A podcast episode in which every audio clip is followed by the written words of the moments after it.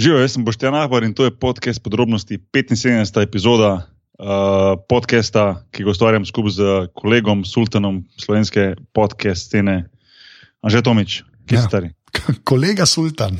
kolega Sultan, ti, edini, edini, kako bi rekel temu, ti si edini kolega, ki je hkrati tudi sultan. To je, le, to je, to je, si, Veš, to je neki. Štej si to v čast, kaj ne ti rečem. Štej si. Si, si. Vedno znova to ponavljam, celo ljudem. Ja, jaz bi tudi, jaz bi tudi na tvojem mestu. Ja, mislim, v redu. V redu sem, tako pogojno sem v redu. Ja, ja. Uh, vem, da si bil neki zmatran, pa zjeven zadnji cajt, da te, te nekaj loteva. Jaz upam, da boš zbral toliko energije, da danes to zguramo. Ja, ja, ja. Vse za podcaste, Boki, vse ja. za podcaste. Zato, ker danes je ta, ta podcast je malo poseben za mene. Že bom pol mogoče več o tem. No. To sem se pa res dolgo želel, že smo se dolgo pogovarjali o tej ja. temi, v kateri smo je. Um, kje si bil ta teden, kaj se je dogajalo? Da mi na hitro povej. Ja, bil sem v Bru Bruslu, sem bil kot, uh -huh. uh, zaradi šihta, kot spletni urednik in sem bil na eni okay. konferenci v Evropskem parlamentu o družabnih omrežjih. In... Tako je bilo živeti. Po redu, v redu. Sem enkrat, v Bruslu sem že enkrat bil, no, ampak je bilo full fine, so bile par zanimivih teh okroglih misij. Bilo, no. no, ampak mislim, to je Evropski parlament, ta scena. Tako, ja, ne, pač kul je, to je pač. Proper institucija, kako koli obrneš. Uh -huh. um, smo imeli pa tam en panel, bil pač zelo zanimiv, prišel ta fura, v bistvu cel internet in social od uh, Modija, se pravi od uh, premijeja Indije. Ne? Ker ga mhm. harajo. Veš, v Indiji so v bistvu preskočili, preskočili so normalen internet. Ne? Ja. Ampak imajo zdaj imajo vsi telefone, ali so šli vsi na mobile direktne. Aha, in so čist na hajpani. Pa tam razlagal, kako se dela, in bilo je v bistvu kar malki časno. Ja, pa, eh, kaj ste govorili o socialnih omrežjih? Ja, pa kako se jih uporablja, pa kaj je, pa valjda malo Trumpu. Pa tako, pa, ja, ja. Mm. To je bilo full folka, veš, to je cela konferenca, to ni tako, da so se nam trem razlagali. Kaj, kaj, kaj so gotovili za Twitter, ali bo crknilo ali ne? Uh, v bistvu je tako, da Twitter je lahko meni omenil neki ekstra. ja, bolj Facebook. Ja. Pa oni, uh, kaj že, WeChat, kitajski tudi ni bil v igri. Uh, ne, so pa, pa oni indice, ne par jih povedal, ker je prvič o Life recimo slišal. Imajo samo oni, ali kaj? Ja, ja, ki sploh ne veš, da obstajajo. V bistvu, ja, ja, ja. Itak, ja. Cool. Um, v 14. epizodi, se pravi, prejšnji epizodi, je bil gost dr. Matjaš Gregorič, govorili smo o pajkih in pajkovcih. Uh, mogoče za marsikoga zanimiva epizoda, ker se mi zdi, da pogovarjati se o pajkih je vedno tako Eh, posebna tema, uh, fobije s fajki, strahovi pred fajki, nevarnost, uh, ki jo prinašajo, pa ne prinašajo fajki. Pa odkrili smo, kaj, kaj je, pa kaj ni suha južina, oziroma odkrili, uh, zvedeli smo. Ne? ja, to, ja, ne, ne, na tem podkastu prvič. to to. Ja. Prej, prej ljudje niso vedeli, ne? tako da širimo, širimo obzorja. Bokje, širimo obzorja ja. V bistvu so znanstvenika, gremo temu odkriti. Ja, ja, ja, na, na nek način smo že. Ja. Um, tako da, ja, debata je bila potem tudi, ne vem, smo govorili o, o klopih naprej, pa o kreacionizmu, uh, pa kaj se in kaj še vse. Tako da um, je, bilo, je bilo res fajn uh, se pogovarjati z, z Matjažem, uh, ki pa mi gre ustvarjati tudi svoj podcast, Metamorfoza, tako da dajte to počekirati. Uh, danes pa 75. epizoda um, in sicer tema Formula 1. Orang preskoka, veš, pajki pa Formula 1. Ja. Ampak to se mi zdi, da neko, to, to že kar stvarjam to podcast, mi je v bistvu bilo toliko nekako čez, pa sem hotel se delati na tak način, da v bistvu presečemo čez, da gremo z eno temo v drugo in to iz 74 na 75 epizod, ta preskok, sigurno je občuten. Milo rečeno. Tako bom rekel, da že dvomim, da še kjer podcast na svetu, ki gre iz Pajkov na Formula 1 preskok. Tako da še nekaj, zaradi česa se lahko malo pohvalim. Um, a povem zdaj anegdoto, zakaj je meni Formula 1 tako, ali potem, ko bo stane. Uh, boš pa, boš pa, pregosti, okay. valjda, valjda. Važi, važi, važi. Um, gost pa bo stane kos, ki je drugačen novinar uh, in se ukvarja, uh, ukvarja pokriva marsikatero temo, športno tudi, uh, predvsem pa recimo nekakr rdeča niti pa ta Formula 1. Uh, med človek, ki je dost Formula 1 tudi sam doživel na svoje koži, tako rečem uh, ker nekaj dogodkov, pa nekaj pripetljajo, pa nekaj uh, anegdot ima zapovedati. Uh, prek Twitterja smo dosti dost na vezi, uh, kjer imamo tudi neko, ne neko eno skupino, uh, jaz, uh, stane, uh, kolegi Kerim, Simon, pa Smiljan Pavič.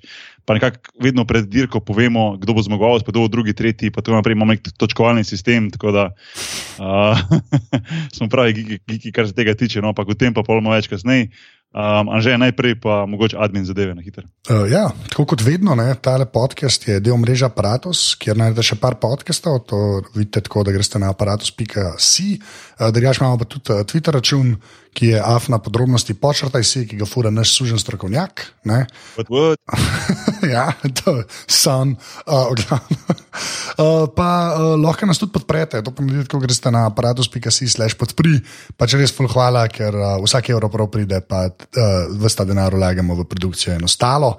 Uh, pa še, še nekaj, še nekaj sem hotel reči, um, kar se admina tiče. A ja, full hvala sem, da dajete ocene v iTunesih. No? To tudi uh, prav pride, ja, ker nas pol uh, iTunesi malo bolj šljivijo. Ja. Ne, ne res, treba se zahvaliti, zato, ker če pogledaš vse skupaj ocene, koliko jih je zdaj bilo, pa tudi nekakšne komentarje, ki so pač po večini na srečo pozitivni, se pravi, tako tega podcasta, ne vem, aparatus podcast oziroma aparatus pogovori, potem glave in vseh ostalih. Mislim, res ena množica ljudi um, že podpira tudi na tak način uh, ta podcast in, uh, in taka podpora, pa tudi za, za, za tistim, ko pač z donacijami in pa s tem je res vedno dobrodošla, pa za žeto smo vedno zelo hvaležni, ker tako, kot je že rekel, denar. Za vsemi se kdaj hecamo s pižamo, pa rečemo, da se je že to kupil, pa uno, pa tretje, ampak dejansko delamo na tem, da se ta mreža razvija, oziroma predvsem že dela, tako da um, tudi v mojem imenu hvala no, uh, vsem, ki to, ki to počnete. Um, še kaj smo pozabili? Ne, mislim, da je to to. No, če pa, pa gremo malo prešaltati spajkov na Formula 1, že štarti zadevo.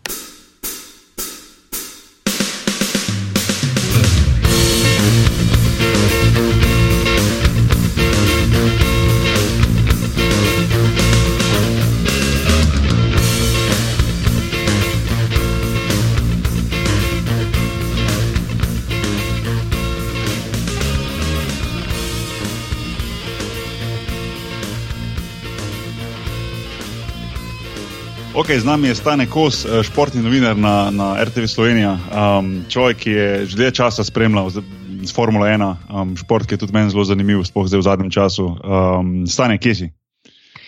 Živijo doma, lepo zdrav sem. okay. Doma in sem se odzval temu povabilu, ker se mi zdi res krasen. Uh, ta podcast sem ga že poslušal in uh, si, si štejem v čas, no, da sem lahko gost.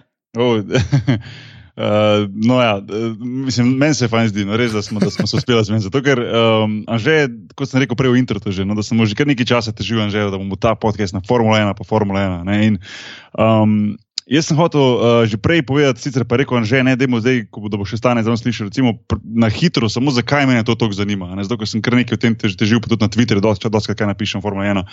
Um, pa bom potem stane dal te besedo, pa te sprašal, ti se če ne vprašanje, ki me zanima. Ampak, um, ne, tekmo rekel, že prvo tebe, koliko ti. Si spremljal, spremljaš, ne vem, veš o Formuli 1, mislim, tudi tebe, ti si bil tudi dosti napaljen, ko si rekel, da bomo končno to delali. Ja, ja, jaz sem v bistvu tako rekel. Jaz sem, valjda, ki je sena vozil, v Uni Hondi, ne, Marlboro Hondi. Ne. Takrat sem prvo zvedel za Formula 1 in jo gledal. Ne. Največ, daleč, daleč največ. Ne. Sem pa gledal Hakine na Pešumahrju. Mm -hmm. Jaz sem una, jaz sem una neka, če, to, če se temu reče generacija, ali kako temu rečeš. Jaz sem, jaz sem McLaren fan. No. Jaz to sem big time. Believe in McLaren Honda, to je hashtag na internetu. Tako da, ja, no, jaz, jaz sem ta neka, vse repravim, gremo temu reči generacija. No, ampak tako, ja, jaz sem včasih sem full spremljal, moram pa reči, da pol, pol sem nekako v bistvu un obdobje, un obdobje, ko je ko šumah ni znal zgubiti. Tam, tam, tam sem pa mal pol uh, um, zapustil formulo. No, moram reči. Pa ne zato, ker bi bil ful neki proti njemu, ki je model kralj. Ne. Saj, ne, takrat, takrat mi je mal manj zanimiv. No, zdaj pa že spet počasi nekako nazaj uh, um, ratujem, že spet mal fan. No. Sem zdaj že parkrat neki gledal, no, tako da res vmes dolg nisem. Ja. Ja, ja. Uh, ne, jaz, pa, jaz pa zelo podobno kot ti. Jaz se spomnim tako bežno tistih, tistih časov, sene, pa prost. Pa tako, spomnim se, ne, ne zdaj, da bi jaz to uh, res dejansko gledal, ker pri nas je bilo doma, tako verjetno v večini domov.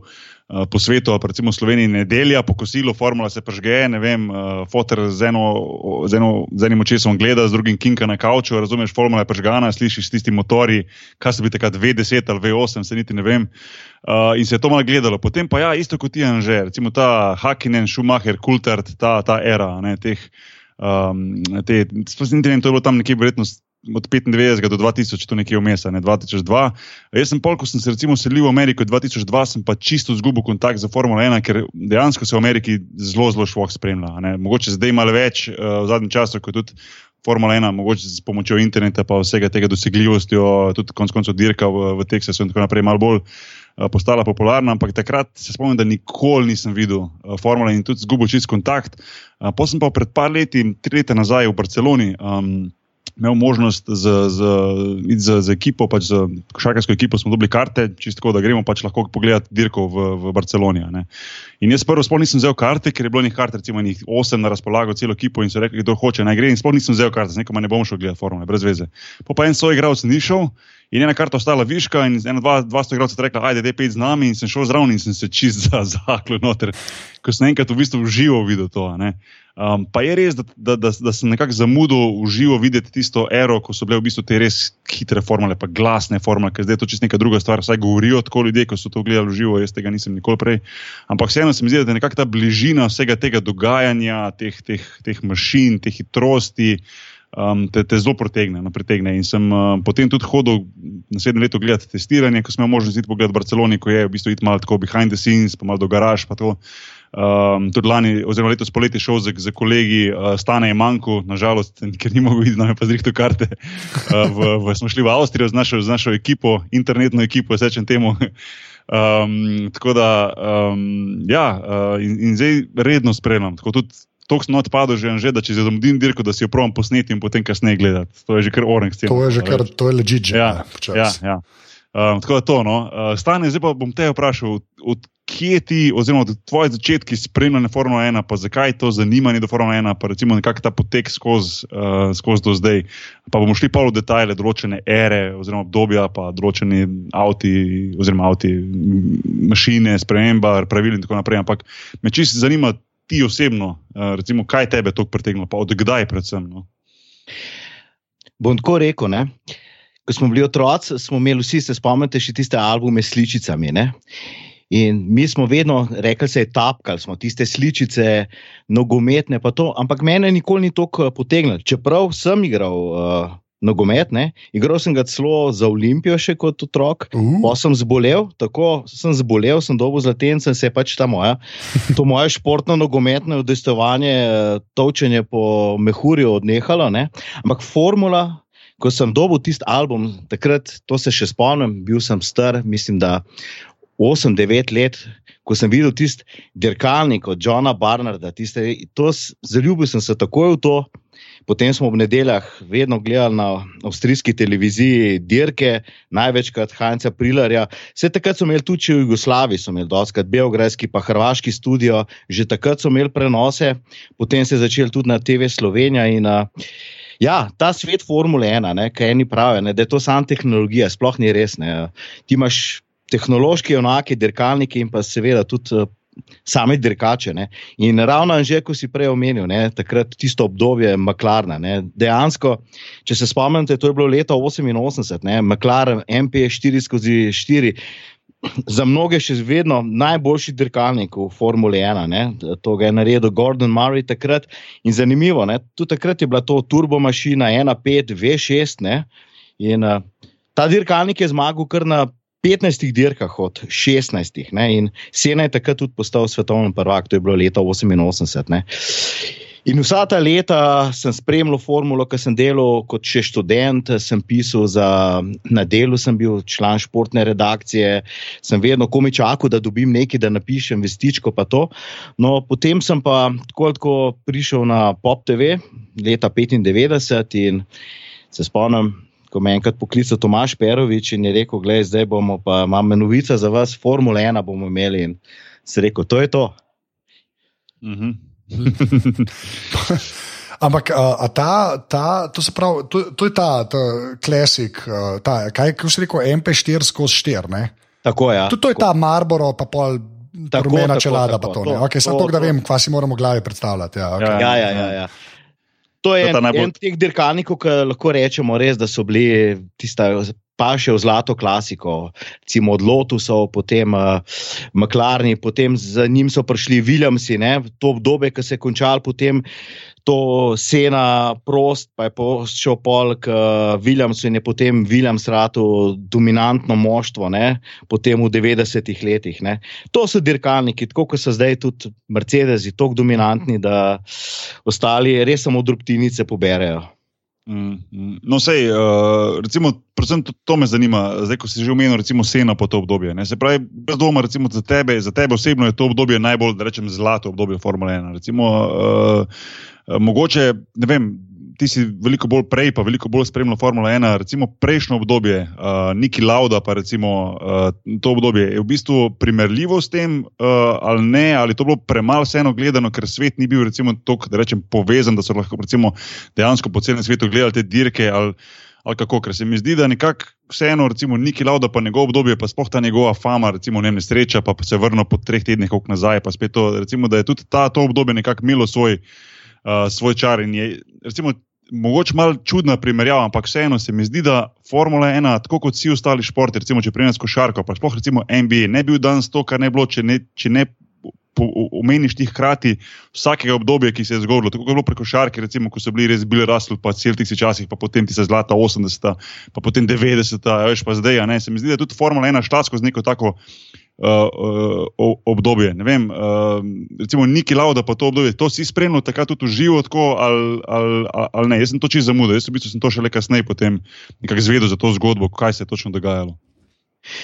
Uh, ja, sem bil otrok in, in sem spremljal dejansko prav ta nesreča Nike Lauda in potem, ko smo spremljali to, kaj se bo z njim zgodilo, pa recimo tudi uh, nesreča Ronja Petersona, ki uh, je umrl za posledicami nesreče. Ne, uh, to so te to, kar sem že hotel prej omeniti. Uh, človeške zgodbe. Ne? Uh, Formula 1 ima milijon in eno človeško zgodbo. Ne? In uh, Formula je dejansko od vseh let, se pravi od leta 50, ne? letos je letošnja sezona je 67, ne? že po vrsti. Uh, Formula 1 je bila vedno vrhunec motošporta. Kakorkoli so hoteli nekateri obračati, pa čez lužo, pa naskar, pa druge. Ni. Formula 1 je bila vedno in po svojih obdobjih. Ne? Se pravi, po drugi svetovni vojni je bilo to. Dost na nacionalni osnovi, italijani proti Nemcem, italijani proti Angležem. Potem je bilo to obdobje v 60-ih, eh, je šlo bolj na, na ta nivo. Ne. Eh, Enzo Ferrari je govoril vsem utoškim eh, ekipam, ne, da so navadni garažisti. Ne. Je tako ponižval, da so garažisti, zaradi tega, ker Ferrari je imel vedno najboljše maši, motorje, V12. Ne. Angleži pa seveda so se znašli na drugačen način, so naredili več na tehniki. In, in vse to se je potem z leti vedno evolviralo, in Formula 1 je vedno ostala popularna. In kakorkoli se je zgodil tudi potem ta obdobje, ko je, bila, ko je bil McLaren premočan, pa je bil Williams premočan, pa je zdaj imamo. To obdobje dveh let, ko je uh, Mercedes čist premočan, pa Red Bull s Fetlovim, to jim obdobjem štiriletnim, ne? ampak Formula 1 je še vedno spada med štiri pet top gledanih športnih dogodkov v svetu, spektaklov. Mm, mm. Tako da, um, glede tega. Ja, lej, zdaj, ko si prej omenil nesreče, recimo, neki pa so nekako, ne vem, bi rekel, žal, kako, da so, so recimo, sestavni del tega. Um, uh, meni, meni je osebno nekako vseeno zanim, zanimivo na nek način, da je Formula 1 vseeno uspela obdržati ta primat enega od najbolj gledanih športov na svetu, kljub vsem tem nesrečam, pa konec koncev nesrečam za smrtnimi izidi. Se mi zdi, da je to edini tak šport, ki je tako gledan, ki dejansko, kljub, okay, kljub temu, da so zdaj recimo veliko bolj, velik bolj varno, da vozi, pa veliko bolj je poskrbljeno za varnost, pa tako naprej. Je vseeno eno od teh športov, pa mislim, edini šport, ki je tako gledan. Da dejansko vsaka dirka, se pravi vsaka tekma, da temu tako rečeš, potencialno lahko prenese nekaj takega, kot je recimo ena hujša nesreča. Ne? Um, to mi je zanimivo, da se je uspel šport vseeno obdržati na nekem takem, takem visokem nivoju, kljub temu, da se je v bistvu zgodila, da se dogajajo take tragedije, od, od, od scene pa naprej, oziroma pred njim, pa potem, nažalost, tudi še, še, še kasneje.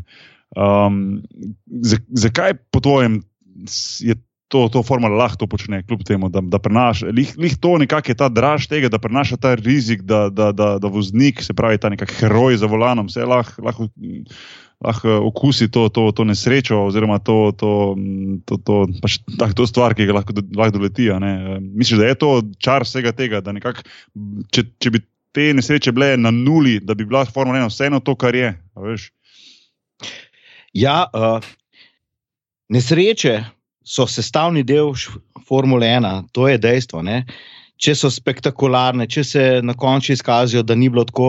Uh, Vse te nesreče so en dokaz, kako je šla tudi tehnika in vse skupaj naprej. Če se samo spomnite, mogoče nesreče Roberta Kubice v Kanadi in potem, ko se je razbil za Zauber BMW in potem naslednje leto na istem prizorišču, v katerem je skoraj umrl in je zmagal, to so te človeške zgodbe. In, ja. A veš to? Anže, ti, ti se spomniš tega posnetka? Te ja, je, ja, ja, to, se, mislim, ja. to je res neverjetno. Mislim, ja, ja. Izvolite, sorry, stane. Ja, ne, uh, se pravi v tem. In uh, Formula 1 je ravno zaradi tega tako popularna. Tri stvari imamo. Imáš dirkače, imaš moštva in potem vso tehniko. Veliko ljudi ima rad tehniko, veliko ljudi. Uh, navija za Louisa Hamiltona, pa navija za Mercedes, ne, jim ne paše to noter. In, in iz tega potem se vse ta draž, kar pa je bil problem, zdaj sploh v zadnjih letih, ko so prišle te tehnične spremembe, sploh z motori. Ljudje so začeli, to je grozen, motori nimajo zvoka, ne dela se tok na temo. In dejansko Formula 1 izgubila še ena stvar, ki pa zdaj dela zelo, zelo na polno. Se pravi, da se približa mlajši strukturi, da ima te medijske platforme. Formula 1, se spomnim, še dve, tri leta nazaj ne, so bili internetni mediji. Pravim, dve, tri leta nazaj, mogoče še malo več. Ne. Se pravi, internetne strani so bile vedno tako, novinari, urinjeni bolj na straj, vedno so bili v prvih vrstah televizijski novinari, potem radijski, uh, specializirane revije, kot so angliški Autosport, pa nemški Automoto and Sport. Pa, uh, Šele zdaj delajo na teh platformah, YouTube, aplikacije in to, in se dejansko se to vidi. In tudi za lani so že so prišli, recimo, podatki. Va, lani, lansko sezono, ki bo nekdo spet rekel, da ni bila tako zanimiva, pa je bila, bom jaz rekel, ne, si ogledalo 4,2 milijarde ljudi, 20 mm. dirk. To so bolane cifre. Pač. Ja, to je ogromno. Ja, to je ogromno. Tako, ja, tako. Uh, jaz sem tako potrdil, no, kot en res tak laj, kar se tiče Formule 1. Uh, recimo, gledati Formule 1 v živo uh, iz enega vidika.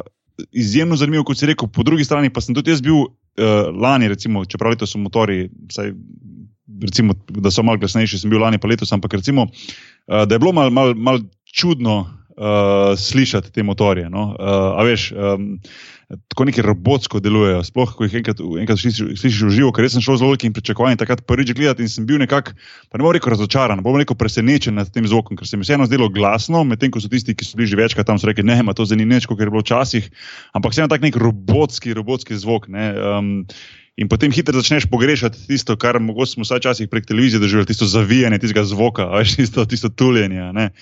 Um, kaj, kaj bi po tvojem, um, recimo, Formula 1 morala um, spremeniti, oziroma kako bi mogla izgledati v teh časih? Ali se ti zdi, da je vse na mestu, ali so kakšne take stvari, ki bi po tvojem mogoče mogle biti malo mal spremenjene zaradi takih ali drugačnih razlogov? Veš, um, kaj, kaj, kaj je takega, recimo, da, te mal, mal, da te recimo, moti, ovira, da ti ni, ni, ni najbolj, najbolj na mestu? Ne, gledajte, tako kot sem že prej omenil, to primerjavo iz leta 88 in danes, ne, skoraj da identični motori, ne, uh, prostornina V6, 1.5, zdaj je 1.6, s tem, da so danes, uh, imamo ta hibriden sklop še zraven. Ne, in uh, včasih so imeli motor samo za kvalifikacije in ti motor je šel polu smeti. Ne. Narejen je bil zato, da traja tiste, tista dva kroga, potem so ga stran vrgali. To so bile bolane mašine, to, je, to so imeli po 1300 konjev, 1300 konjev iz 1500 kubičnega motora, turbine. Uh, Zdaj je pa tako, da imamo pač, morajo se te uh, pravila, so bila taka za letošnjo sezono, da ima dirkač na voljo samo toliko in toliko število motorjev, toliko in toliko število teh hibridnih sklopov, se pravi, teh motorjev, generatorjev.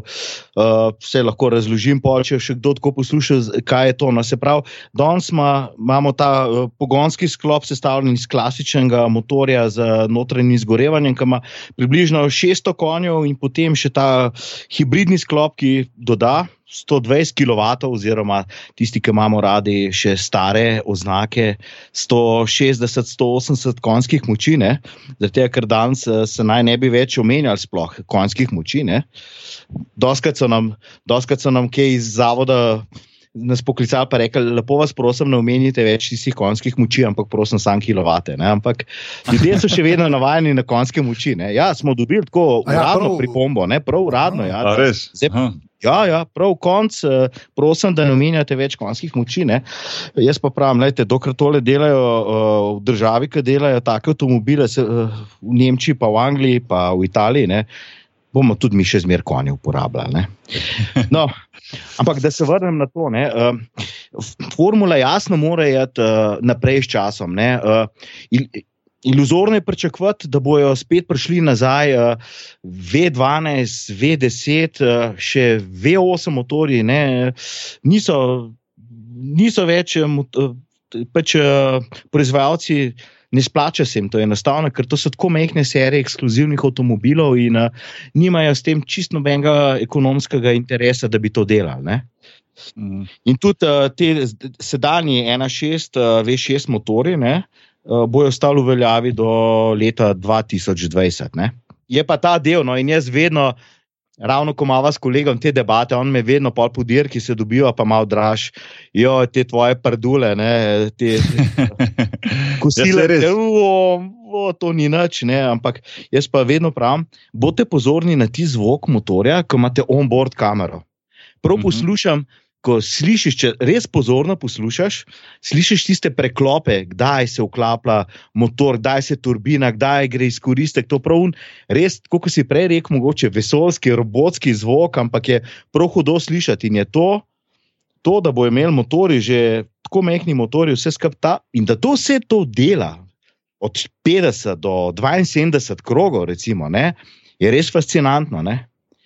No, ampak to je meni, pa po drugi strani, uh, zdaj sem se nekako že navadil na to, ampak na začetku mi je bilo malo čudno, ko, na začetku, ko sem začel zdaj pred letom dvemi to bolj pozorno spremljati. Recimo, uh, kolikrat sem razočaran, predvsem recimo pri Meklarnu, če zdaj govorimo, ko je pač zamenjal spet na z Hondo in tako naprej, ko je bil pač za ostanko pri vsem tem razvoju motorja, pa tega, kolikrat recimo crkne lahko motora, ne, oziroma pač neka napaka, karkoli že je. Jaz pa vedno, jaz meni se pa vedno zdelo tako čudno ko sem rekel, Madonna, pa vsem tem denarju, pa vsem tej tehnologiji, pa toliko ljudi se noter, zakaj to lahko, kako se lahko zgodi. To sem bil jezen večkrat, ne samo če se je zgodilo McLaren, tudi drugim. Pa potem v bistvu mislim, da mi je Kerim potem rekel, um, ta kolega je rekel, da enostavno oni grejo vedno do čizga limita pri vseh stvareh pa, pa me popravi, če se motim, stanje. Veš, tako, tako se stavijo ta, ta, ta avto, temu reče, to mašino, da gre čist, čist do vseh limitov, pri vseh stvareh, um, ali so to zdaj zmeti, ali je to mašina, ali je to nek hibridni del, kakorkoli že, da pač enostavno pride do tega, do teh okvar. Tega, In um, tu me recimo, recimo zanima, kako je tvoje mišljenje glede tega, da da, so, recimo, da je recimo, zdaj Mercedes tako dominanten. Ali je pravilno, da se potem ostalim dovoli, da imajo razvoj, da jih dohitijo, ali bi recimo mogli pač tako, da pač tisti, ki pač boljš dela, najbolj dela in tudi če bo pač deset let prvak, kar se ne zgodi, ampak recimo pa ne bo. Ne. Meni osebno je to malo moteče, no, da, recimo, da so preveliki preskoki, veš, in že nekako vnaprej lahko veš kdo bo, oziroma kateri voznik iz katerega moštva bo najverjetneje prvak na koncu sezone. To se mi zdi zelo moteče, po drugi strani pa naj bi bile neke spremembe za naslednjo sezono, mogoče malo več o tem, no, recimo, kaj lahko pričakujemo. Dejansko, ne samo nekaj, da imamo neka fake upanja, pa zdaj jaz tako iluzorno pričakujem, da me klarim bo na stopničkah, eh, da bi malo prizemljali. No.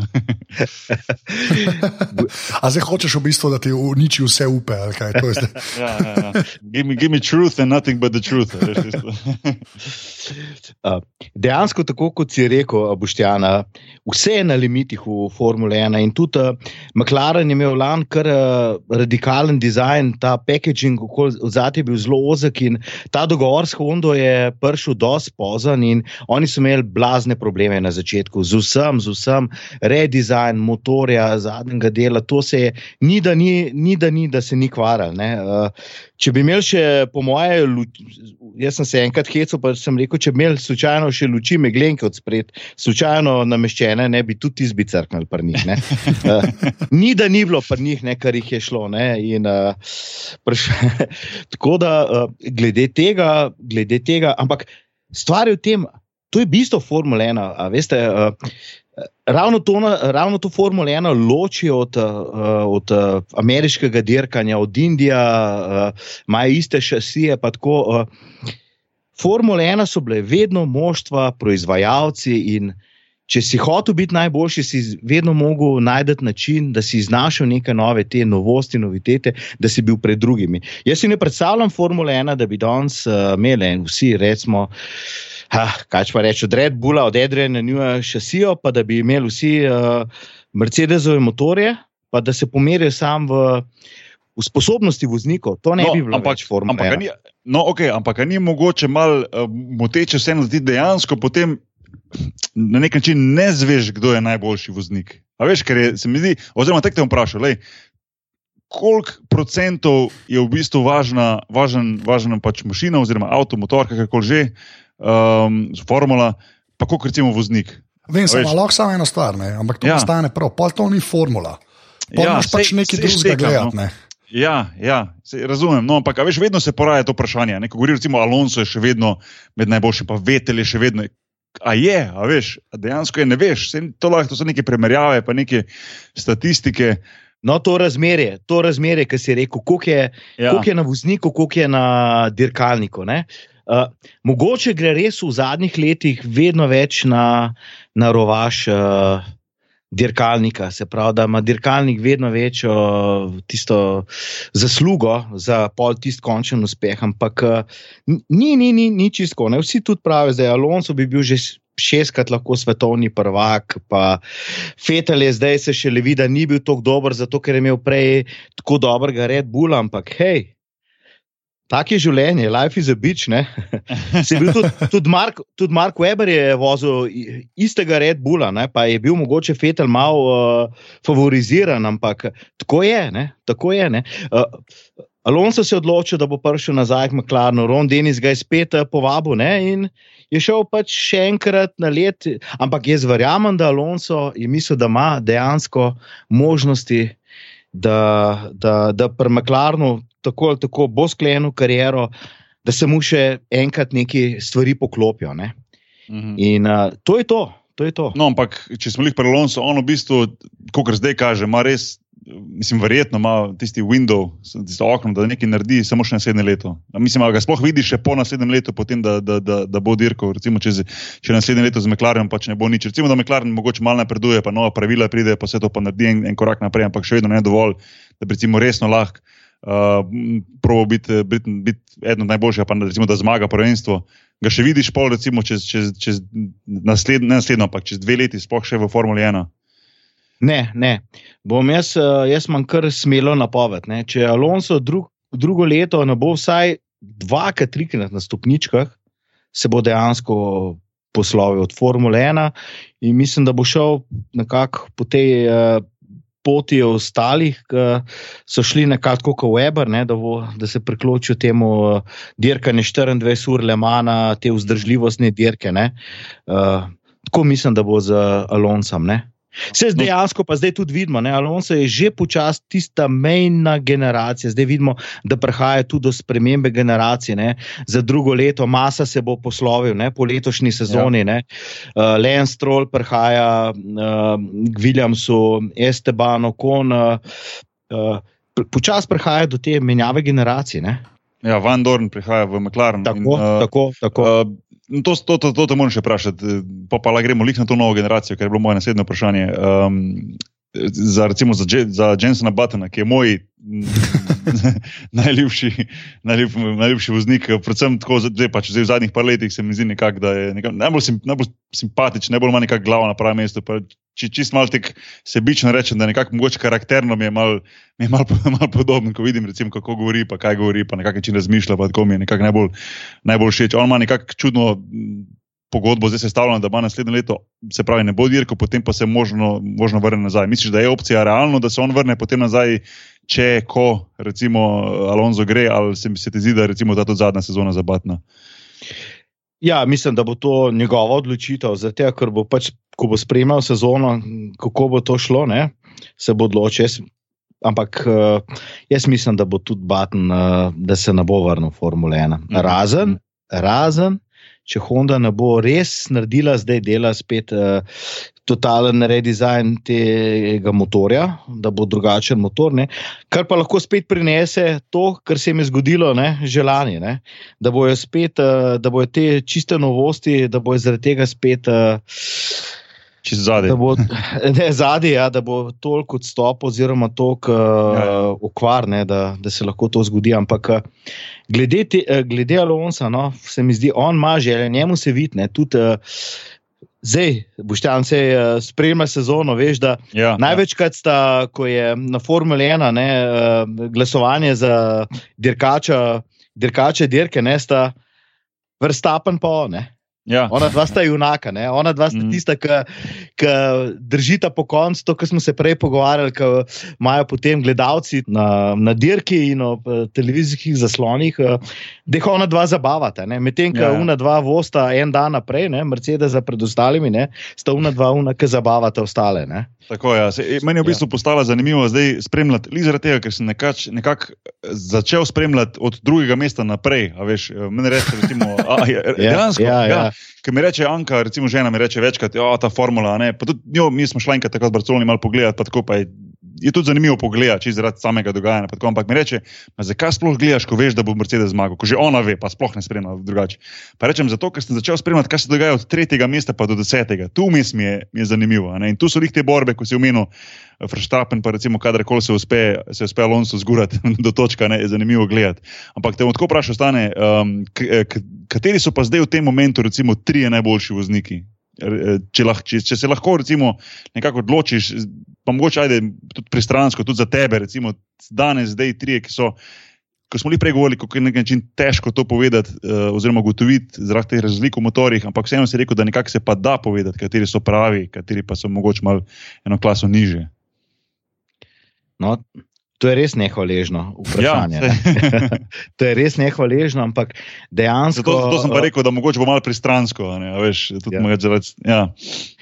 Dejansko uh, nobeno dvomi, ne, da je Lewis Hamilton uh, fenomenalen dirkač. Ne. Ima eno prednost, Niko Rosberg se bolj uči, je bolj pridan in dejansko je letos dokazal, da lahko na en drugačen način, uh, da je še bolj mrljiv, parira Louisa Hamiltona. Ne? Zdaj ima ta oba po devet zmag, ne? Hamilton ga je zdaj sicer malo dohitev, ampak Niko Rosberg se mi zdi isto.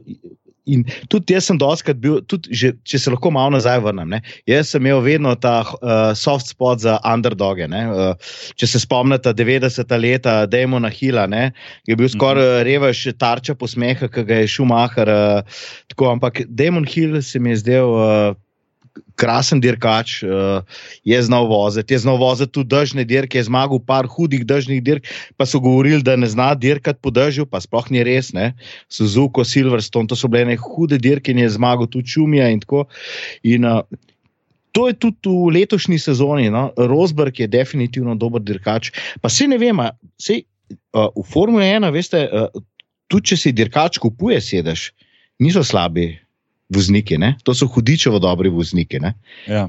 No, Ti no, tu, če 100 milijonov moštva preneseš, eh, ne moreš ja. slabo ja. voziti. No, ja. Mogoče lahko lah, lah besedo o tem govoriš. Recimo, to je meni tudi tak zanimiv faktor, recimo, ki si na rekovajih kupi sedež. Um, recimo, če prav razumem, pa, pa me popravi ponovno, če, če, če, ni, če ni tako.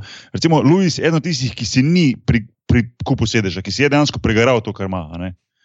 Um, ali, ali je eno, eno tistih, ki je v bistvu prišel noter, tako kot je letos med sezono, moj, moj drugi najljubši, Rio Harijanto. ja, ja. Ti, ti imaš res, ti res spremljaš, ta, ti v bistvu sredino spremljaš. Tako, ja. Od sredine na vzdolj. Ja, v bistvu. Ja. Ja. No, uh, No, a veš, kaj mislim? Uh, ja, mogoče ja, stane ja, malo ja. tem, recimo, ker je en tak, recimo, pri košarki to ne moreš narediti. Ne moreš ti reči, pa jaz prenesel v klub, uh, ne vem, tok pa tok denarja, pa da je zdaj pa jaz igral uh, 35 minut tekmo, veš, v NBA ligi. Veš, kaj mislim? Tako, uh, a ne. Razumem, no. razumem. Ampak da vam nekaj povem, ne? Dobar, uh, danes uh, dirkači morajo plačevati vedno več. Uh, zdaj se za Lensa strola govori, da bo njegov oče, ki je pač milijarder, ne? da bo ta ta njegov uložek, da bo sin vozil, ne, pa sin je dober dirkač, da ne bo pomote, ne, je, je, je, je prvak ne, v, v Evropski formuli 3. Uh, 100 milijonov ne, bo uložek njegov. Jezus. 100 milijonov, 100 ja. milijonov, računaj, da je to njegov uložek, očeta, uh, sina, ne? ampak je vseeno dober dirkač. Ne hočem povedati to, zneski grejo gor. Uh, se je tudi uh, se je tudi menedžer eh, Mihajla Šumacherja mogel plačati. Edijo Jordano, da je lahko takrat vozil Jordana, uspajo takrat, ko je šel Bertrand, šel v zapor, ki je po špricu v Monaku, policaja, ne? pa se je tako zgodovina Formule 1 obrnila na tak hecen način. Ne? Tudi takrat je bilo treba plačati. Ne? Tudi uh, Fernando Alonso, njegovi sponzorji, so mogli plačati, da je on prišel voziti za Minardi. Ne? Ampak ja, ja. vložki so bili manjši, vložki, zelo, zelo mali dirkači, ki dejansko preko te karijere Lewis Hamilton je en tak od vseh teh manjših, ena moštva imajo, tako kot je Ferrari, McLaren, imajo te svoje, uh, te svoje uh, šole za voznike, z katere se pač prebijajo naprej. In uh, tako dobiš potem, uh, tako priješ do Formule 1. Ne? Lewis Hamilton je stopil do Rona Denisa, se poznate to zgodbo. Ne? Enkrat bom vozil za vas. Ne? In ja, dejansko to, je bilo ja, tako. Ja, to sem, to sem ja. bral, to sem bral o tem. Ja. Ja, ko, še, ko še zelo mlad, ne, tako zelo kaj. 10, 12, 14 let, koliko je bil star, ko je to govoril? Takrat, takrat je bil star, uh, tako je bil eh, star 10 let, je rado liha angliški prvak v kartu. Aha. In dejansko je, dejansko je potem vozil za njega, in vse veste, kakšna je bila pol zgodba tega. Ja. ja, zanimivo. Ja. Dokler, um, ne, dokler nista nehala biti prijatelja. To, to, to, to se dosti dogaja v Formuli 1. Eh, pravi... Mene, mene recimo, ne, tako, prej, ki si rekel, sem, jaz se fulj strinjam s tem, da je to res ekipen šport v tem, da ti moraš vse gledati. Moraš gledati in bolid, in celo ekipo, in pol voznika. Ne. Tako da jaz nimam težav s tem, ali je več uh, avto vreden ali je več voznik vreden. Um, ampak me pa pol, tako me, tisto, kar mene zmoti, je pa, ki gre, gre v ta tabloidno dogajanje okoli vsega skupine. Drama, štek, drama, drama, drama. drama. Ja, jaz štekam na to malo drame dela, ne. ampak po drugi strani pa ne vem, včasih se mi zdi, da preveč za jadra uh, ta šport v, v to, ne, kaj se dogaja, kako se je v pedoku, ne, kako se temu reče. Ja, ja. Ampak, že to, to je del tega športa, brez ja, tega ni Formule 1, imaš še afere. Tako je. Ja. No, sej, uh, že, uh, zanimivo recimo, tudi meni se to zdelo, da včasih preveč se, se recimo, tako si zdaj rekel, preveč tabloidi, pa vse to, ampak zdaj recimo vidimo v Španiji, kar se nogometa tiče, delajo isto, veš. Ne, v Ameriki, če živiš enkrat v Ameriki, z NBA doživiš na nek isti način, ker se tudi ogromno dogaja s tem, uh, ukvarjajo s tem dogajanjem okoli okol NBA. In, in se mi zdi, da uh, Formula 1 je, je pač kot eden najbolj gledanih športov na svetu, tudi to zraven prenese. In je, in je uh, tudi meni mogoče, da je malo teče, da je preveč te, te drame okoli okol tega. Um, ampak vseeno, Anstane, to je nekako ta celota, to je Formula 1, ta, ta, ta blišč in ta slava in to, in to vse skupaj. Absolutno. In če gledate, te, če gledate te velike televizijske postaje, ki spremljajo Formule 1, RTL, potem Channel 4 v Angliji, pripravljajo eno urno oddaje v teh enournih oddajah je polovico šova, za kulisija, polovico, polovico oziroma četrtine potem samega dirkanja, eh, tehnike. Absolutno, fo, eh, tehnika je del Formule 1, absolutno, ampak ta del je pa ti spol. Ščepec uli, oziroma tiskaj še začini dodatno Formule 1. To je bilo od nekdaj in vedno bo.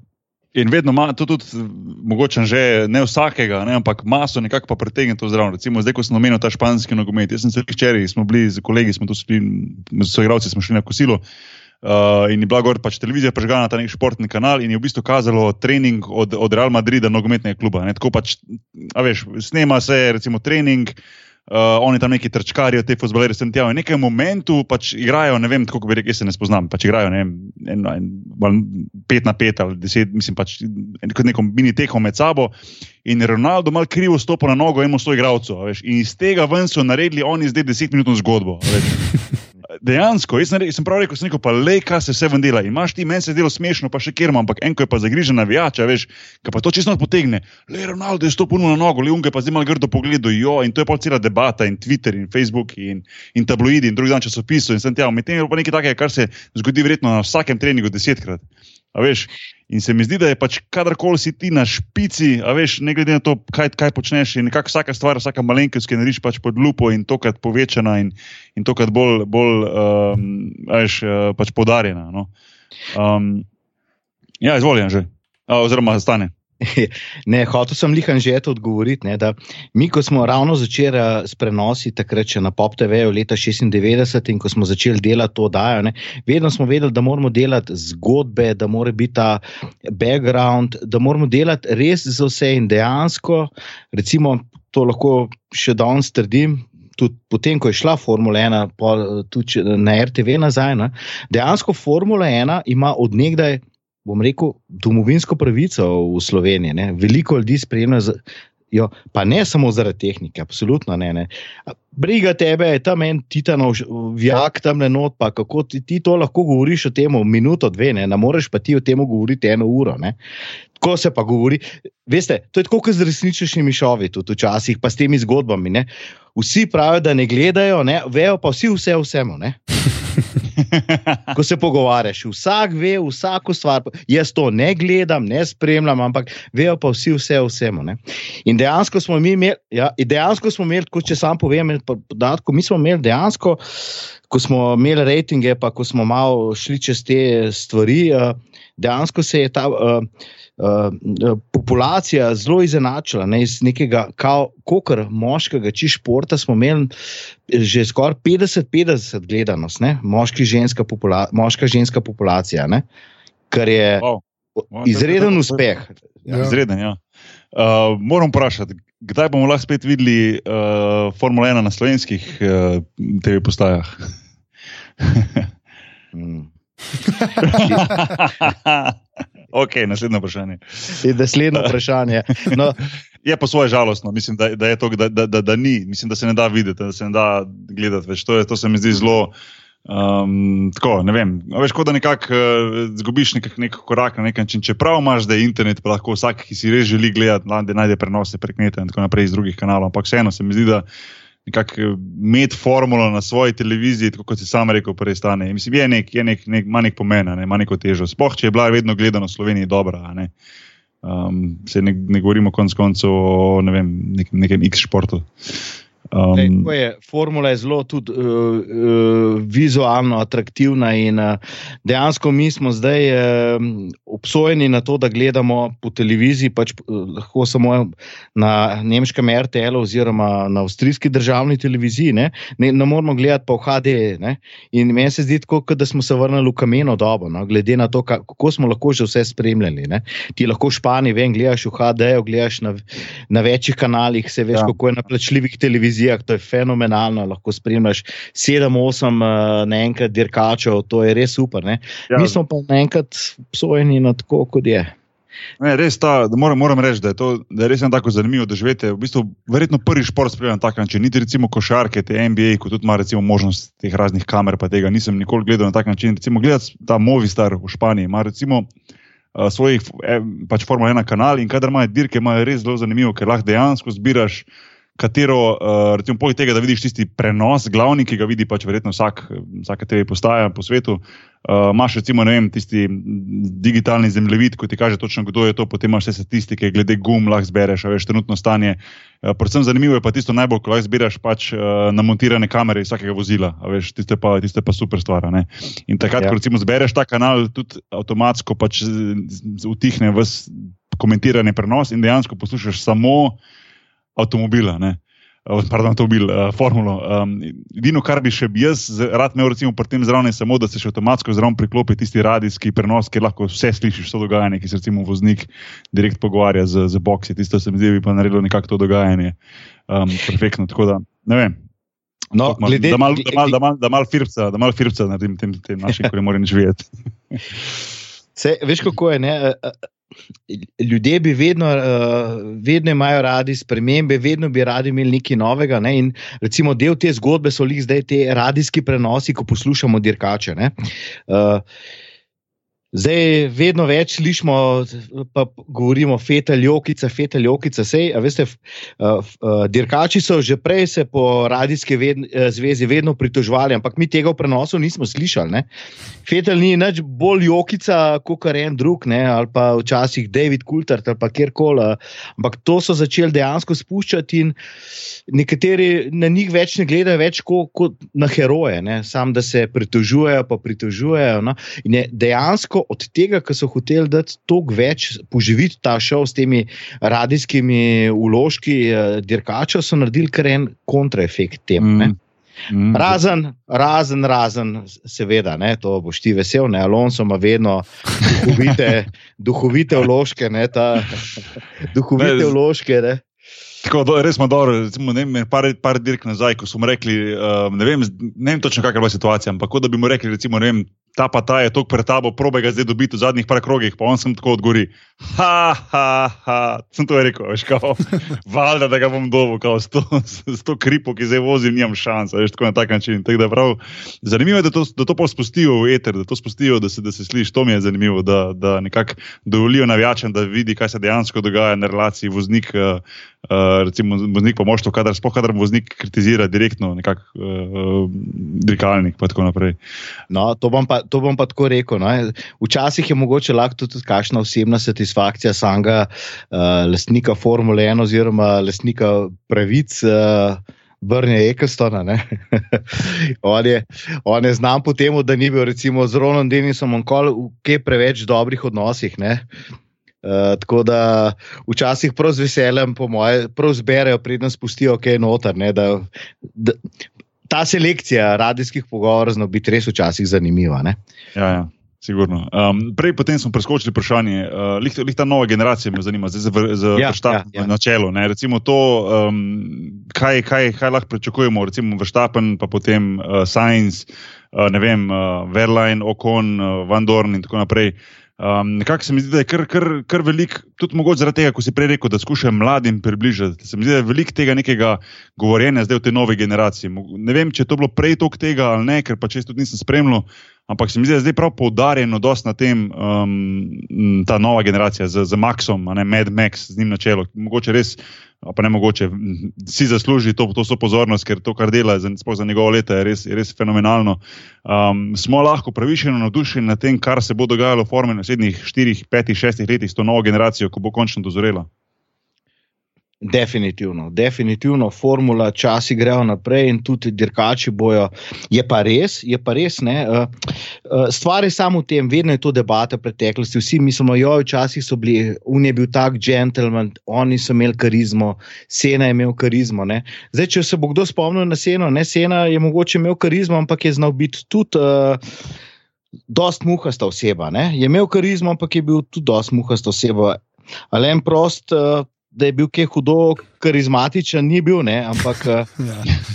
ja, uh, Lewis Hamilton je zdaj trenutno tisti junak, ki res zauzema za to, da ima tudi Brne Ekels tako fenomenalno rad, ne, ker je on on je en redkih dirkačev v zadnjem času, ki je iz tega, ki ga ni slaven več tako sam zaradi kot dirkač Formule 1, ampak ker je dejansko v teh jet-set krogih, on se pojavlja. Jaz sploh ne vem, mislim, osebno mi ni jasno, on je za mene, kot David Cooper, svet Formule 1, kako mu uspe. Ko gledaš pol na Twitterju, kako mu uspe od ene do druge dirke, je če na 15-20 eventov po celem svetu, oble, ja, po celem ja. svetu, in potem se v petek usede v dirkalnik in odpele kot profesor. Ja. Pravi jet, stari, pravi jet. on je res, on je jet, on je res. Uh, tako kot vidiš, tudi pač spremljanje na teh socialnih omrežjih, on je res, ed, bom rekel, si upam trditi, edina, edina globalna zvezda v Formule 1, ta trenutek. Vse Alonso je tudi popularen, ne me na robe eh, razumeti, ampak eh, v Španiji pa to, ampak po svetu. Pa na japonskem, jasno, ne, tam je mhm. sploh ne. Ampak Lewis Hamilton je dejansko edina globalna zvezda Formule 1. Ja, re, mislim, tako, da, kaj to pomeni? To pomeni, da ga res kamorkoli on gostuje v milijon različnih šovih, hod na modne, hod na modne predstavitve. On, on si je naredil, on si je naredil tako blagovno znamko, ne, da če bi res dejansko nehal uh, dirkati, bi lahko delal mrzke, druži se s temi slavnimi. Uh, pevci, prijatelje, prijateljuje z različnimi zvezdnicami, pevkami. Zdaj vem, da je bil na zadnje, ki je bil takrat v Ameriki, je bil pa Uni, uh, Degeneris uh, gost. Ne? In uh, dejansko, dejansko je res njega posod po svetu poznajo. Ne? Ne, uh, Anže, veš, kdo je Dan Bilzerian? Bil, Bil ja, vem, kdo je. No, Ne, ole, to je v bistvu nekako Louis Hamilton, je bil Dan Blazer, Formula 1. A spremljaš njegov Instagram od uh, Louis Hamiltona? Uh, ne, ne. No, recimo to, to naredi za ene, en, en mesec, recimo ga spremljali, pa boš dobro zdaj, ko bo konec sezone malo drugače. Ampak tako, med sezono dejansko pa hitro ti prije na pamet, da to, kar on dela, kot je stane rekel, med dirkami samimi je malo nerealno. Da recimo ima dirko, ne vem, v Španiji, pa pol kar čez vike, oziroma čez dva dni se javi iz fashion showa v L.A pa pol gre vmes na Barbados, pa potem gre vem, v London in pol je že na sedmi dirki v Maleziji. A veš, kar tako nerealno, a veš, kaj on naredi v 14 dneh, ko ima vmes pauzo. Tako je tak, malo mal štekan in. Vmes ja, ga še malo v Švico, vmes ga še malo v Švico, je malo na snegu, pa malo smuča, ja, ja, pa je pa ja, čez naslednji dan, pa že res uh, neverjetni so. Moraš, uh, potem imajo pa še te obveznosti do sponzorjev, to je, njihovi urniki so res tako natrpani, da je to. Res fascinantno. Ne? Potem se posedejo v tisti dirkalnik ne? in se vozijo 280 do 350 km/h in dejansko delajo zelo malo napak.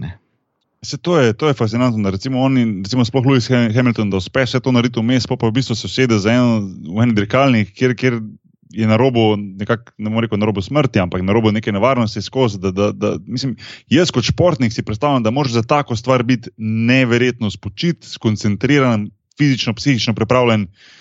Ne vem, jaz si ne predstavljam, da bi zelo med eno in drugo tekmo delal to, kar on dela, niti približno. Ne. Veš, tako, no.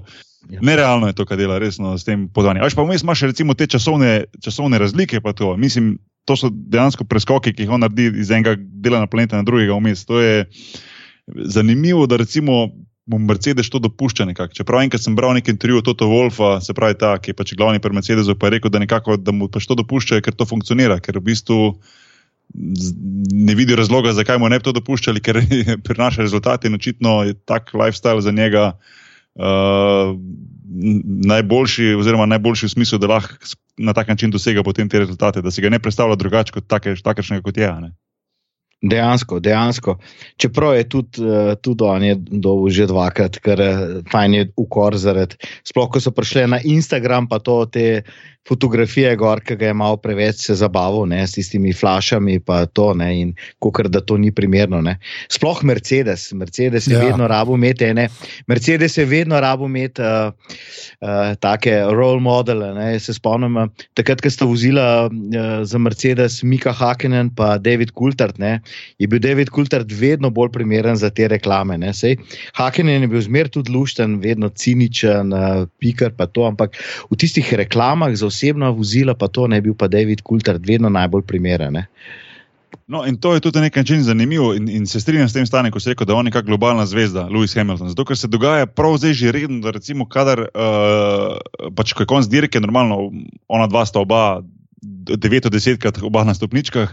In je čisto eno, ali je en prvi, ali en tretji, ali drug drugi, ali tretji, čisto eno, ampak nekako, ko pridejo na stopničke, če nekako poslušaš reakcijo tistih ljudi, ki so tam na, na, na, na dirkališču, tistih, tistih 5000 navijačev, recimo, ki se izbere pod, pod eh, stopničkami. Je konstantno, ja. da recimo, ko pride Louis, nevrjetno navdušenje, ko pride pa Rosberg, ki pa nekako. Ne bom rekel, da ni navdušen, nekako že žvižganje, pa tisto bu, pa tako.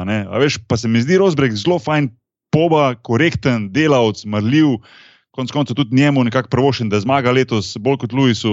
Uh, pa nekako niti približno ne more priti Louisu do, niti do kolene, kar se tiče te nekakšne priljubljenosti pri navijačih. Tako da ta, ta razlika je zelo očitna. No.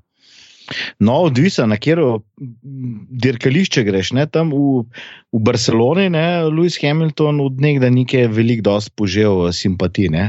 To, to je res. Ne? Pa lan sta imela, ker sta imela pač tiste doskrat, uh, doskrat uh, te njune uh, trčenja in tako in odnose, ki so res čist skladili. Se je prav videl na tistih prizoriščih, ki so bolj favorizirali Rosberga, so ga imeli raje Rosberga, druge so Hamiltonu žvižgali.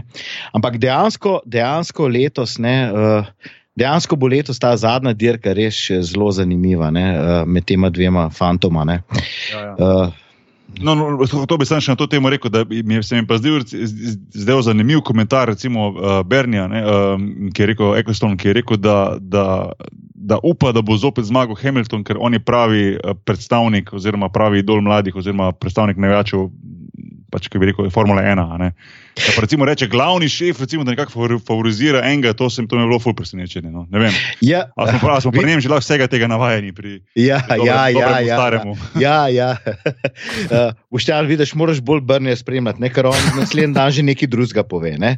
Tud, mislim, da je en dan, dva kasneje tudi povedal, da bo Rosberg fenomenalen svetovni prvak, ker je fajn, da se menjajo svetovni prvaki in Aha, aha. da bo zelo vesel, če bo Niko Rosberg Ok. letos svetovni prvak. I take it back, I take it back. Okay. Uh, Ja, Brni je znam potem. Brni je sploh uh, umetnik preživetja v Formuli 1, ne, tudi zdaj, ko vidite, ne, da ko je prodal firmo. Uh, večinski delež uh, tega kapitala CVC, ne, ki so večinski lastniki uh, Formule 1, ne, uh, da bo ta Formula 1 tudi naprej preživela in da jo čaka lepo obdobje. Drug let, veste, imamo nova pravila, širši dirkalniki, nekako formula se vrača back to the roots, dirkalniki bo imel spet. Uh, že na vide se zdaj že vidi, da zdaj so bila že dvakrat testiranja z novimi gumami, širše gume, dirkalniki bojo širši, še malo nižji dol bojo, spet bojo širša uh, prednja krilca, zadnja krilca bojo bolj dol spuščena in uh, bo izgledalo tako, kot tisti stari dobri dirkalniki, tudi Formule 3, ki že zdaj izgledajo hujš kot dirkalniki Formule 1. Ne?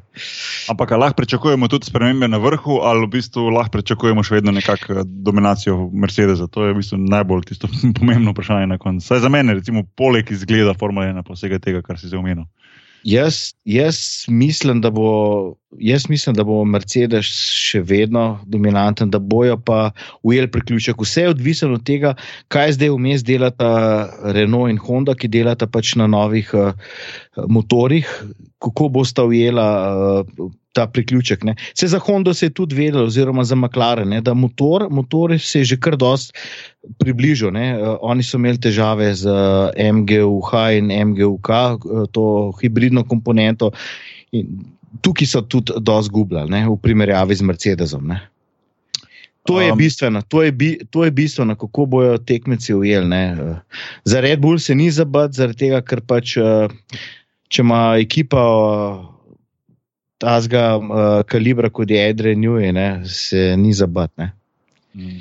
Čeprav jaz nekako, ko ko govorim o Red Bullu, si nekako eh, želim, da recimo, če, bo, če bojo že prišli na to, na to, to situacijo, da bodo uspeli se, se boriti za, za prvaka uh, v Formule 1, si nekako želim, da bi recimo Re- Ricardo vseeno uspel dobiti uh, eno, eno, en, en, enkrat biti prvak, ker se mi zdi neverjetno simpatičen človek, pa, pa tudi zelo, zelo, zelo, zelo dober voznik. Tako da, Um, ima tisto neko karizmo, se mi zdi, ki bi, ki bi kot prvak Formule 1 lahko, lahko marsikaj naredil skozi to, ker je nek, res simpatičen, pa priljubljen. Ta njegov nasmeh, ki ga vsi omenjajo, pa tako, uh, je tako fajn poba zgledano. Ne vem. Uh, ja, uh, Daniel Ricardo je res krasen poba, tako kot praviš, odličen voznik, ne? ampak je pač to prekletstvo v obliki tega mladega nizozemca zdaj na njega prišlo. Ne? In, se Ja. mu, in se mu to zdaj že pozna. ne. Sej dvakrat Ja, ja. je bil na stopničkah, pa je mu je bilo fajn, ampak uh, lik zdaj v Braziliji se je videl, da je Ricardo dosti zgubljen, vrstapan pa spet uh, dirkač dirke, ne? vsi ga v oblake kujejo, ne? čeprav. Če si se mečkar malo umiril in potem malo pogledal, trezno analiziral dirko, ne, vrstapanje, delo tista res prehitevanja z novim kompletom uh, držnih gum in vse. Ampak sploh ne zmanjšujem tega, ne, ampak dejansko je ta fant uh, res ena ogromna, ogromna pridobitev za Formule 1. Ne. Zdaj vsi ga primerjajo malo s šumijem, pa malo seno. Jaz mislim, da te primerjave lih čist ne vzdržijo vsega skupaj. No? Ampak Ja, ja, pa tudi prehitro je mogoče za, za te primerjave. Uh, vsekakor pa jaz večkrat rečem, ko se takrat naši, naši, naši kolegi, naši skupini pogovarjamo, da predvsem upam, da ne bo kakšne hujše sreče, ker se mi zdi, da na, na momente zelo, zelo, zelo riskantno vozi. No, vsaj tako se meni zdi. Um, mogoče malo preveč pogumno za, za tako mladega, pa nek način vseeno neizkušenega voznika Formule 1. No. Je pa ja. Definitivno neverjeten talent, pa tako kot si rekel, neko vznemirjenje prinesel Formule 1, kar se mi zdi, da, da ta šport sigurno potrebuje neko, neko svežo krijo. Ne.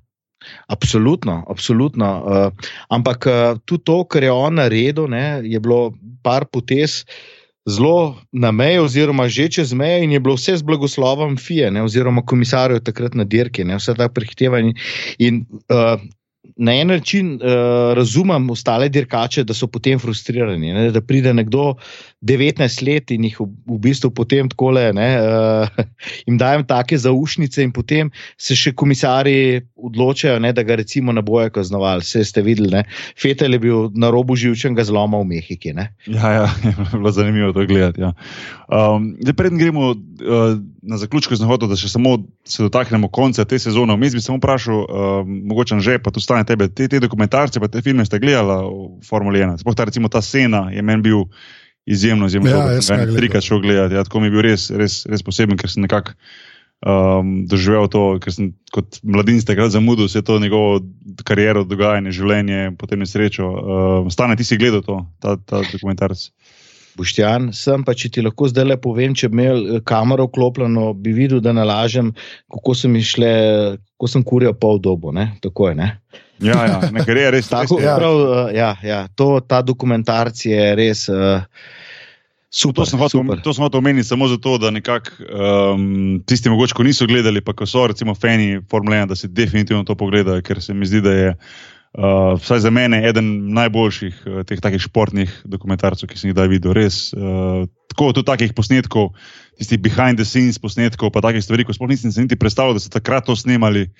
Um, ne vem, tiste dogajanja, ko je on. Uh, a veš, recimo, tisti momenti znotraj tega dokumentarca, pa nočem nekaj spoilerjev dajati, ampak je takrat tisti vikend, ko je kdo, kdo se je pred njim po nesreču. Um, Roland Ratzenberg. Ja, tako ne. A veš, tisto, recimo, recimo tisto njegovo kako bi rekel, tiste njegove reakcije na to, ko je Sena to zvedel, veš, tisti dan prej, ne, pa tako, tisti momenti, ko so bili, veš, ko je on bil v boksu, pa videl na televiziji to nesrečo, pa potem sam se spravi v, v, v dirkalnik, pa, pa odgura te kvalifikacije. Mislim, take, take stvari potem pa je normalno naslednji dan, uh, čez dva dni, se, se ne vem, kako je takrat bilo, pač potem on doživi svojo nesrečo. Um, tako res, res tako globok dokumentarc, no, priporočam vsakemu. Je pa tudi neki, neki film, tu zraven še, uh, ne vem, ta Drive, se mi zdi, da se je imenoval, ko je bila zgodba o. o tako, tako je. Ja. A je Drive, ne? O, ja, o Niki, Drive, Niki ja. Lauda. James ja. Hunt, Niki Lauda. Ja, ja. ja. Duel, je pa film, ja, pa ni dokumentarc, no, je pač film narejen, potem pa še mislim, da je, če se ne motim, je Formula 1 ali F1, še en dokumentarc, ki nekako govori o zgodovini, predvsem pa o nevarnosti tega športa športa. No, ampak oba dva pozabljata na najboljši film o Formuli 1. Kateri pa to? Driven, Silvestro, stanovno. Ja. Ker okay. on na eni točki momlja ne, in je kao, dela in pa ful dober voz. Ti si je kar slabo. Oh, okay, tega nisem gledal, pa hvala. Da, ja, ne gleda tega. Ne gleda. Niti ne bi. Mislim, to si predstavljal, da si res stanovno v Formuli 1. Ne, hvala. Dobro, on, ne, on, Ja. ja, res vrhunsko. On je Rambo, stari, on je Rambo in to je to. ja, to, to je bilo zelo smešno. Jaz se spomnim, sem takrat hodil na par dirk in da Silvestr Stallone je hodil en let po teh dirkah in kaj se bo to naredilo vse skupaj. Pa na koncu ja, pol iz tega ja. ni bilo nič. Ne. Ampak ravno to, ko meniš, dokumentarc o sceni. Lih, ravno ta dokumentarc kaže res uh, to, to človeško stran Formule 1, te, te zgodbe, te čustva, iz, te, to za kulisije, to, te, te borbe med dirkači, kot si rekel, ta Niki Lauda, te antipodi, kako so si dirkači v moštvih, pa tudi dirkači različni en do drugega to bogati Formula 1. Ne? To do, bogati Formula 1, ne pa recimo 20 konjskih moči več v Renovem motorju, ne? vedno, vedno bojo dirkači tisti, ne? ki bojo delali te zgodbe. Ne? Ja, in, in mogoče bi lahko recimo Formula 1 tu naredila en korak več, v tem smislu, da, da pokaže malo več tega dogajanja. Ker nekako, recimo, jaz, ko spremljam to Formula 1, pač vidiš dirko, oziroma kvalifikacije, vse to vidiš potem tiste intervjuje, ki so ali uradne tiskovne konference ali ena na intervjuje in to je to. Ne? Nekako uh, mi manjka tisto, uh, recimo v tem dokumentarcu Sene, se mi je bilo zelo všeč, ko so recimo pokazali te, te posnetke, ko so imeli te sestanke samo uh, voznikov, a veš, za komisarji s temi teglavami, pa te kregarije znotraj tega, pa to, a, a veš. Mal, mal, mal, mal manjka tega, se mi zdi, tega dogajanja, da, da bi to malo bolj doživel. Uh, zato, ker Formula 1 je le malo drugačen šport, kjer ti uh, recimo, mogoče eh, voznika vidiš samo, pač, ko gre, če, spoh, če gledaš tam, ne uživa pa tudi na televiziji, nekak, ker gre pač 300 km/h mimo tebe, se pravi, ti ga nekako vsega doživljaš, ampak ga ne kot enega košarkaša ali pa enega nogometaša, pa kakorkoli že športnika, ker ti vidiš njegove izraze na njegovem obrazu, njegove poglede, njegove tisto, stisneš zobe, kot ti ne gre, da nekako veselje ob tem, ko zmagaš. Uh, se mi zdi, da bi tu mogoče, spoh vse te tehnologije, ki jih imamo, pa vse te eh, dostopnosti, mogoče formula lahko malo več naredila, da bi malo več tega prikazala, teh, teh pristnih reakcij pa teh, teh stvari. Um, meni je recimo najbolj všeč gledati, ko je, mislim, najbolj všeč, zanimivo je nek način gledati, ko je konc dirke, pa potem, a veš, stane, ko imajo. Um, Predne grejo na, pač na stopničke, so tisti sobi, tisti tri zmagovalci, kjer malo vode popijejo, pa da si čelade dol. E, tisto, tisto dogajanje mi je zanimivo. Veš, kaj bo rekel Rosberg, Hamilton, kaj bo Verstappen rekel, ko bo tam noter. Veš, tako, take stvari, tiste, tiste, tiste stvari, ki jih nekako ne moreš doživeti, ker je pač dejansko voznik, ko sem rekel, noter v svojem dirkalniku in šiba 300 na uro in ne doživiš teh pristnih reakcij. Um, no. Tu bi mogoče tega bi mal več rad videl, jaz, no, kot, kot čist tak navijač, da rečem. No. Ja. Ja, dejansko je imaš prav. In ta del je res uh, zanimiv. Ne? Se spomniš, Lanka mu je vrgel kapo, Rosberg. Se to, se to, vrgu, to ne. Kako ja, ga je ponižal. Ja, in se spomnim to, ko smo, imeli, ko smo imeli še prenose na RTV. Smo dejansko takrat, ko sem bil jaz v Ljubljani, sem vedno poskrbel, da smo ravno ta del, da smo ta IT ton, not, ne, ker ni mikrofonov, uh, IT ton, da smo dejansko te uh, dialoge tako dvignili, da so se slišali. Ne? Ker je dejansko bilo tam veliko, veliko zaslišati, ne? še po podirki. Ne? Veliko več kot v teh, v teh tiskovnih, zdaj, ki so ratali za te gledalce, ne? je to posem. Čist neuporabno za nas pred televizijskimi. Ja, to je katastrofa, ja, ja, katastrofa. Ja, ja. Ne zveš čisto nič, zahvaljuje se malo gledalcem, da so super. Za tiste, ki nimamo pač eh, TV hiše, ki nimajo prenosov, ki nimajo svojih novinarjev in ekip na prizorišču sami, da bi pridobili pol izjave, ne, je to res katastrofa. Ne, res, mhm. res. Um, okay, za na koncu moram vprašati, kdo bo zmagal na zadnji dirki, kdo, kdo bo postal, postal svetovni prvak. Ja, jaz mislim, da bi bilo za Formula 1 v redu, da, mislim, čist v redu, da bi, bil, da bi dobila novega svetovnega prvaka, se pravi, Nika Rosberga. Pa ne navijam za njega. za, koga, za koga pa navijaš? Ne, ne, ne. To pa od nekdaj, ne, ne, ne. ne. Čak, čak, čak, nikoli, čak, čak, nikoli. Čak, ne, ne, ne, ne, ne. Čak, čak. Nočeš povedati, za koga navijaš. Nikoli nisi povedal, koga navijaš. Res ne? Ne, res ne. Vam povem, da uh, vedno samo tisti bolj, ki simpatični. Ampak To je problem, ker simpatičnost ne more biti uh, novinarju, če čisto profesionalno gledaš eno merilo za to, ne, uh, da ti je. Ne. Kot si že prej povedal, ne boš tja. Ne, uh, res, dirk, eni dirkači so v karavani Formule 1 res simpatični, vedno se trudijo z odgovori. Ne. Jensen Batten je bil tak, David Coulter je bil tak, ne, uh, Mika Hakenen je bil zna, tudi odvisen, kakšen dan je imel, ne, on, je bil, on te je znal tudi, ne, mene parkrat oranku trudo, ne, s tistimi njegovimi nasmeški, ne pa odgovori. Ne.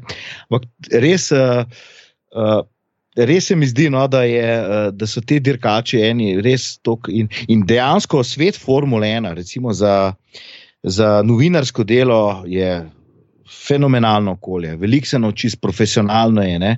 Tukaj ni, ne? konc tekme, pa to pa smo izgubili, pa gremo kar min kamer. Ne? Tega ni. Ne?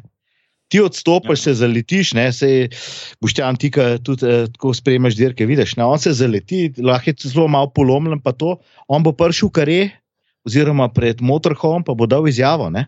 Ni ja. tle, zdaj sem pa, oj, pa sem zgubil tretji mest, pa ne bom šel na tiskovno. Tega v hmm. Formule 1 ni. V Formule 1 vlada eno res visoka stopnja profesionalnosti z vseh strani. Ne. Ja, pa tudi je, obstaja to spoštovanje med, med, med dirkači. Meni je zanimivo, recimo, videti slike, pa te, te kratke videe, ki jih pač dajo, mogoče sami dirkači prek Instagrama, pa kako že na, na, na, pač na net. Recimo, ko potujejo skupaj z, z pač ja, pravi ja. jetom na avionu, veš, tako skupaj se držijo za rame, tako so objeti, ne vem, in Ricardo, in Masa, in Button, in kdorkoli že pol naslednji dan pa grejo s 300 ur v vinek, not pa ga hoče skoraj ceste ven zrin. Tako mi je nekako eh, nekak vseeno lepo videti to nekako prijateljstvo, pa nekako spoštovanje. Saj večine, no, mogoče prav, mogoče da vedno to zgleda, da kater mal, malo stopa in je rad mal, mal zunaj te grupe, da rečem, ampak vseeno. No. Ampak se razumete, veš, na taki visoki stopni, ne, te tekmovalnosti, pa to je to, to čisto jasno. Ne. Če bi se imeli vsi sam radi skozi, pa to ne, ne bi bilo nič. Ne. Se pravi, da tisti, ki so najbolj prijazni, potem na koncu še najmanj dosežejo. Ne. Tako je ponovadi v športu. Ja.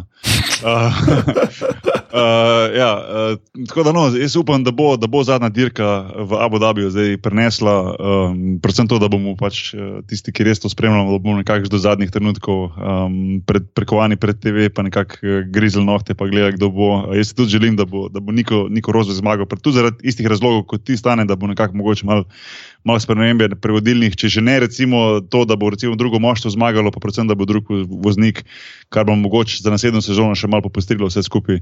Um, stane, jaz bi, um, če si zdaj, bi mogoče enkrat, ko bo naslednja sezona se tudi razvila, pa ko bo to novosti, pa upamo tudi na vrhu, mogoče kakšna sprememba, uh, te še enkrat povabo nazaj, da mogoče naredimo en pogovor, pa tudi malo več tvojih anegdot vklopimo to noter, ker si bil tudi sam na velik prezoriščih, pa, pa vsem tem.